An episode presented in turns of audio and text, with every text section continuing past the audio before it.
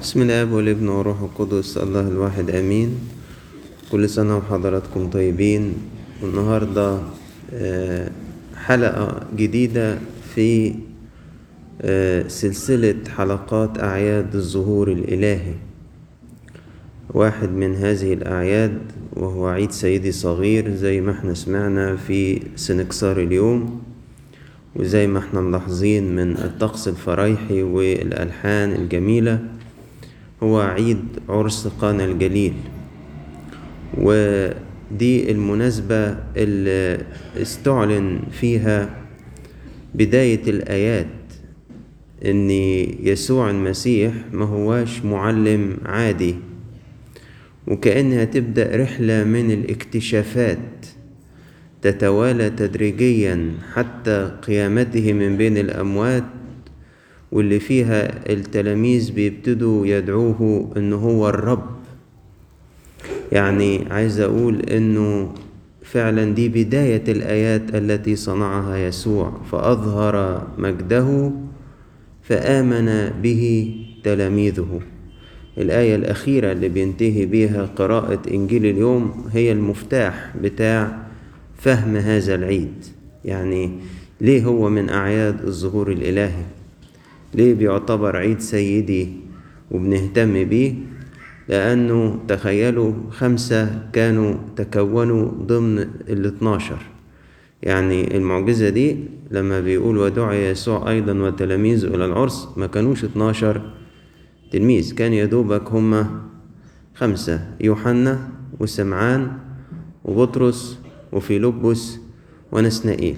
الخمسة اللي ذكروا في الأصحاح اللي قبليه في اللي جم نتيجة كرازة القديس يوحنا وجابوا بعضيهم بعد كده. سمعان جاب بطرس وفيلبس جاب نسنائيل. فالخمسة دول اللي اكتشفوه إيه؟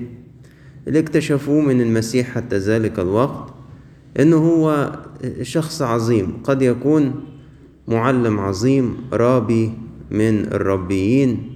لأنه يوحنا قعد يشهد عنه ويوحنا كان شخص له اعتباره الكبير في المجتمع الديني اليهودي. فحتى إن هم اتحركوا من وراء يوحنا وتابعوا المسيح لكن يعرفوا أكتر من كده لا ما يعرفوش. بس وبعد كده كان في عرس في قانا الجليل وأم يسوع كانت هناك كعادتها ذهبت لكي تخدم. ويقول لنا الإنجيل ودعي يسوع أيضا وتلاميذه إلى العرس. أنا فكرت كده. لو إحنا الأفراح اللي إحنا بنعملها اليومين دول والحفلات اللي بتتعمل بعد الأفراح لو دعينا يسوع يروح ولا ما يروحش؟ فكروا أنتوا كده.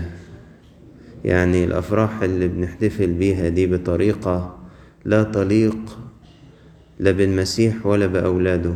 تخيلوا كده لو أنت أو أنا وعاملين حفلة في نادي وجايبين مش عارف إيه وجايبين إيه ومشغلين إيه وهيصة ورقص وأغاني. ومفيش مانع شرب وحاجات كده مش مناسبة ابدا. تقدر وأقدر أنا في الحالة دي أساسا نوجه له دعوة؟ يجيلنا يجيلنا جرأة. نوجه له دعوة؟ ما أعتقدش. إحنا نفسنا مش هنقدر. مش صح؟ ولو وجهنا له دعوة يجي؟ ولا ممكن يجي ممكن يجي يعمل إيه؟ يجي وعلى وجهه دموع. يقول يقول إيه؟ يقول على نفوسنا إحنا. بيتي بيت الصلاة. وإنتوا جعلتوا إيه؟ مش عارف أقول جعلنا إيه. مش عارف. فيا ريت يا ريت مناسبتنا تكون مقدسة وندعي فيها يسوع. يجي هو وتلاميذه. راح يسوع بفرح يشارك في هذا العرس. راح راضي مرضي كده رايح هو وتلاميذه مبسوطين ورايحين يباركوا. والقديس كيرلس الكبير ما يفوتوش الأمر دوة ويقول لك إيه؟ بما إنه جاء في الجسد ليجدد طبيعتنا التي فسدت فاختار أن يأتي أول ما يأتي إلى عرس عشان يقدس بداية أصلنا وميلادنا. يعني إيه؟ يقول لك يعني هو ال ال ال ال الشخص بيجي للعالم إزاي؟ من العلاقة المقدسة بين الزوج والزوجة. طب دي بدايتها فين؟ من ساعة ما يتجمعوا. في سر الزيجة فقال لك هو اختار هذه المناسبة لكي ما يقدس أصل ميلادنا الأول. يعني يعني يجيب الموضوع من أوله خالص. وإن المرأة التي قبلت لعنة بسبب السقوط أنه بالوجع تلدين أولادا جاء لكي ما يرفع هذه اللعنة ويبارك العرس اللي فيه يبقى الرجل والمرأة دول زوجين مباركين مقدسين ينجبوا أولاد مباركين ومقدسين في الرب. المهم إنه آه راح وهو وتلاميذه وبعدين إيه أمنا العذراء في يعني محبة عملية شديدة لحظة إني الخمر دوا اللي في العرس نفذ. ويمكن انت تستغرب تقول إيه ده ما في خمر في العرس. أقول لك آه لأنه الخمر في العهد القديم كان بيستخدم لا للسكر لأنه حتى العهد القديم بينهي عن السكر ولكن كان يستخدم بقدر بسيط ومخفف بالماء وهو نبيذ مختمر ليس أكثر من هذا. يعني ينفعش تمسك كلمة الخمر اللي موجودة في الإنجيل وتقارنها النهاردة بصناعة الخمور اللي مالية العالم كله أشكال وألوان وزجاجات بعشرات الألوف من الدولارات. وتقول لي ما هو؟ ما موجود في الإنجيل خمر. ده يا أخي الحبيب نبيذ مختمر لا أكثر من هذا ويخفف بالماء قبل أن يشرب. بس مش أكتر من كده. يتخفف بالمية. يعني الدراسات بتقول كانوا بيخففوه التلات عشار أو العشر. وكان أحيانا كمان يستخدم كإجراءات صحية زي ما القديس بولس أوصى تلميذه تيموساوس وقال له فيما بعد ما تشربش ماء لكن اشرب إيه؟ خمرا من أجل أسقامك الكثيرة كان ليه استخدامات أيضا دوائية. ولكنه كان في هذا الاحتفال الطقسي كان موجود زي ما إحنا هنا في القداس مستخدمين نبيذ مختمر وبنخففه بالمية وبنحتفل بالليترجية. ده كان فرح طقسي احتفال ليترجي وكان من ضمنه تقديم هذا الخمر. ولكن دون الدخول في السكر وعشان كده ما سمعناش ابدا في حد في هذا العرس إنه كان إيه؟ كان سكران. بيهلوس بيقول كلامه بس ما حصلش. المهم فأمنا العذراء قالت له راحت له كده وقالت له إيه؟ ليس لهم خمر. فالرب يسوع بص لها كده وقال لها ما لي ولك يا امرأة. يا سيدتي يعني لم تأتي ساعتي بعد. أنا ما, جاش لسه وقتي. ما جاش لسه وقتي.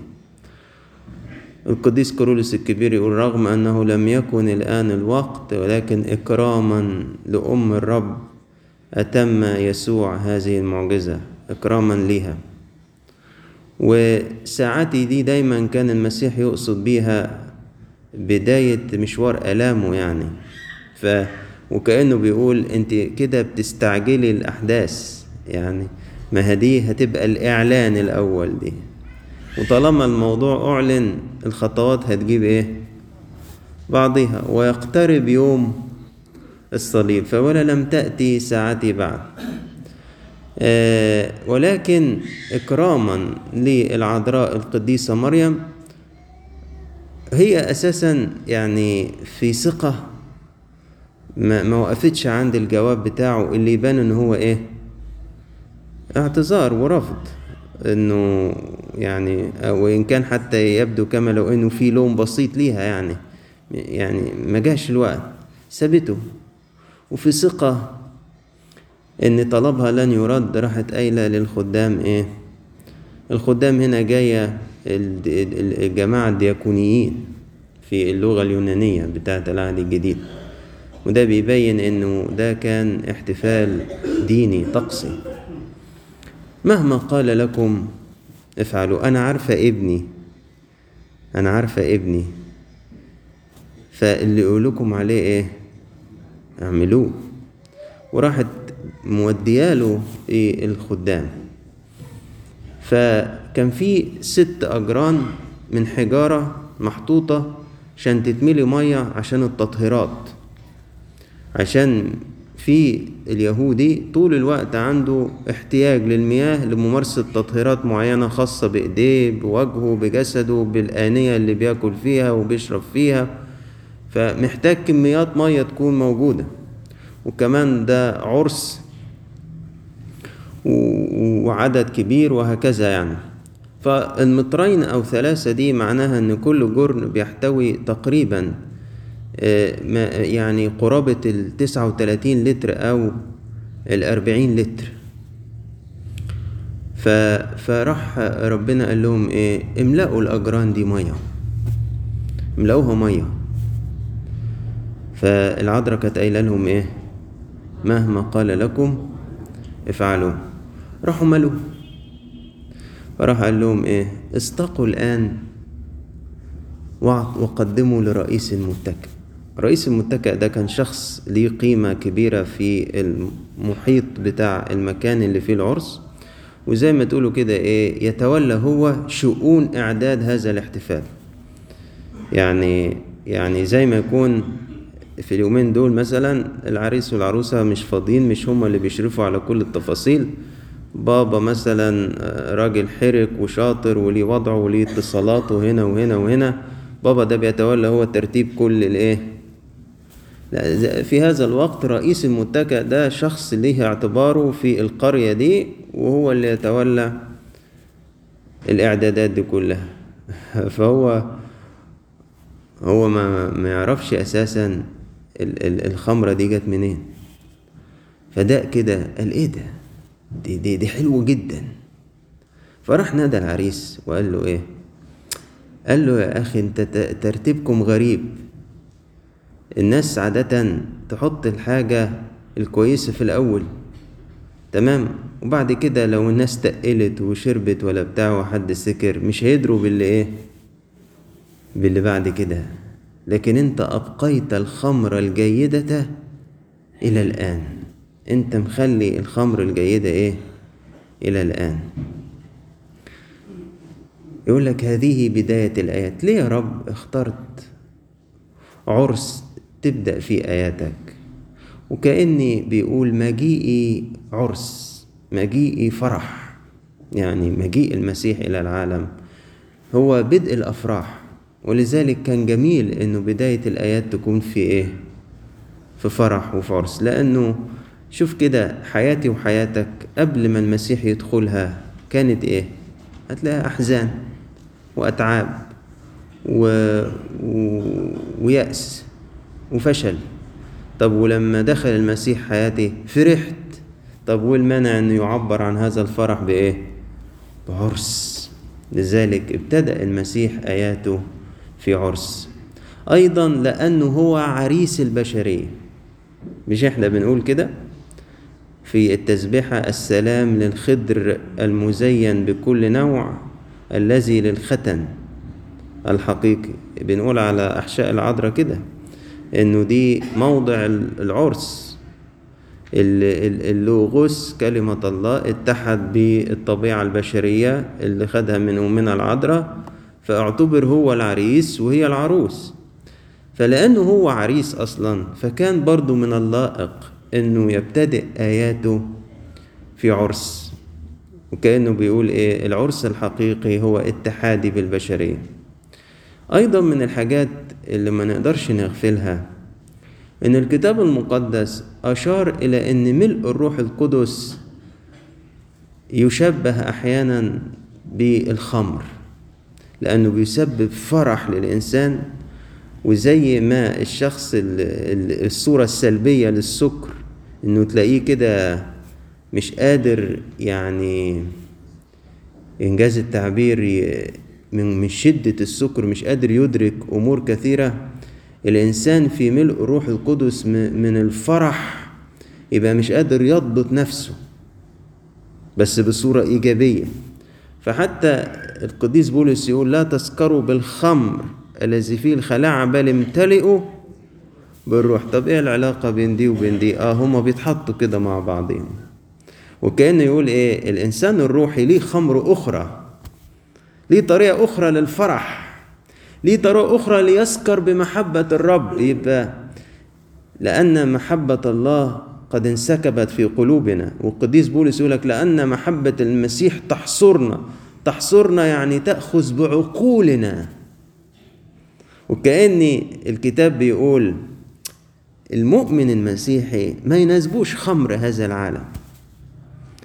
لما بيحب كده يفرح فرح عميق بيفرح بملء الروح القدس لدرجة إنه ياخد عقله كده محبة المسيح تدوخه حتى إنه لو تفتكروا برضو لما التلاميذ حل عليهم الروح القدس في يوم الخمسين واتفقوا يتكلمون بإيه؟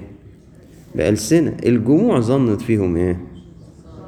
قال لك قد امتلأوا سلافة يعني إيه؟ سكروا من كتر إيه؟ الخمر طب هما كانوا شربوا خمر؟ كان مالهم؟ كانوا امتلأوا بالروح فالمية اللي اتملت في الأجران قد تشير إلى معمودية يوحنا كانت لأغراض التطهير مش كده؟ يقول لك مش هو موجود كده في المعجزة يقول لك إن الأجران دي كانت مالها بحسب تطهير اليهود. وكأن المية دي إشارة للمعمودية السابقة. طب وأنت هتعمل فيها إيه يا رب؟ قال لا أنا هحولها لمعمودية جديدة تهب الإنسان إيه؟ الروح القدس. وعشان كده الماء تحول إلى إيه؟ كان قادر ربنا من الأول بدل ما يحول يوجد من العدم أصلا مش صح؟ يعني اللي قدر يحول عنصر المياه لعنصر مختلف ما كانش يقدر يوجد العنصر ده من الاصل كان يقدر إنما هو اختار الشكل ده وإحنا نجد فيه معنى روحي نجد إنه معمودية يوحنا هي للتطهير ولكن معمودية المسيح للملء بإيه؟ بالروح القدس. وهنا لا يفوتنا تعليق رئيس المتكأ إن أبقيت الخمر الجيدة إلى الآن. يعني لما تيجي تقارن معمودية المسيح بمعمودية يوحنا كما لو إن دي الدون ودي الخمر إيه؟ الجيدة. لما تيجي تقارن كل بركات الناموس واللي كانت إشارات وظل لبركات العهد الجديد تجد إن هي الخمر الدون مقارنة بإيه؟ ببركات العهد الجديد الخمرة الجيدة أبقاها إلى الآن. بقي بس إني أقول حاجة؟ ودي المفروض تكون خبرة الإنسان الروحي اللي عايش مع ربنا.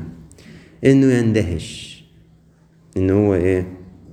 يندهش. يعني هذه هذه بداية الآيات التي صنعها يسوع. فأظهر مجده فآمن به تلاميذه. حتى هذا الوقت لم يكن يسوع بالصورة اللي عندي وعندك. ما كانش حد لسه يعرف عنه حاجة. ده مفيش أي حاجة غير الشهادة اللي قالها يوحنا. بس مفيش حاجة. كل ما حدث في طفولته ده من مجوس ورعاء كانت مريم إيه؟ تخبئه في إيه؟ في قلبها. محدش يعرف حاجة. وفجأة تبقى انت ماشي مع واحد وعينيك تتفتح فجأة انه مش عادي.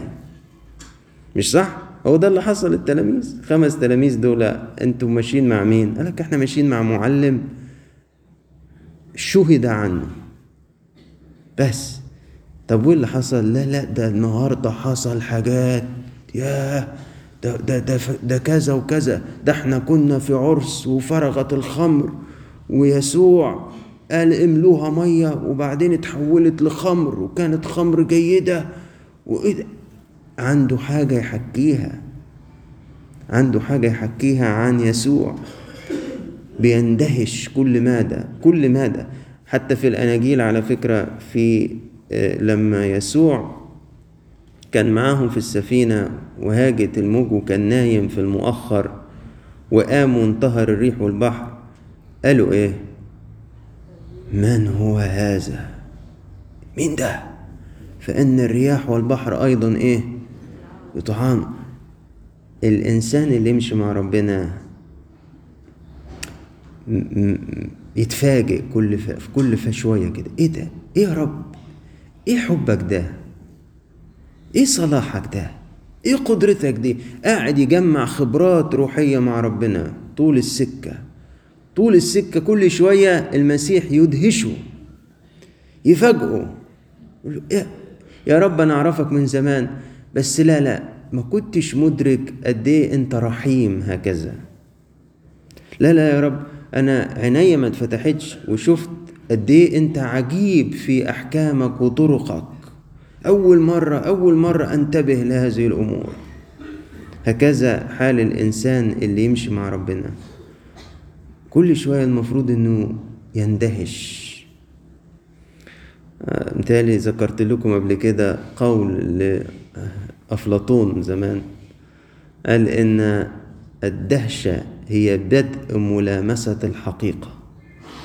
يعني زي كده ريفلكس كده إنك تتلامس مع حاجة حقيقية هيجيلك نوع من إيه؟ Sense of wonder كده إنك تحس بدهشة. إيه ده؟ ده بدء ملامسة الحقيقة. ده معناه إن أنت يا دوب أهو اللي بدأت عينيا تتكشف ربنا وتشوفه. زي القديس أغسطينوس كده لما كتب في اعترافاته إن إن أنا كنت طول الوقت ببحث عنك وما كنتش دريان إن أنت فين. جوايا في داخلي اندهاش إيه ده ف فدي بداية. هكذا يجب أن يكون للإنسان بداية ولكن لا يكون له في علاقته بالله إيه نهاية. المسيح في عرس قانا الجليل لمح إنه سوف يعطي الروح لما حول الماء إلى إيه؟ وحينما قام من الأموات وصعد للسماوات أرسل الروح. وكأن دي الألف ودي إيه؟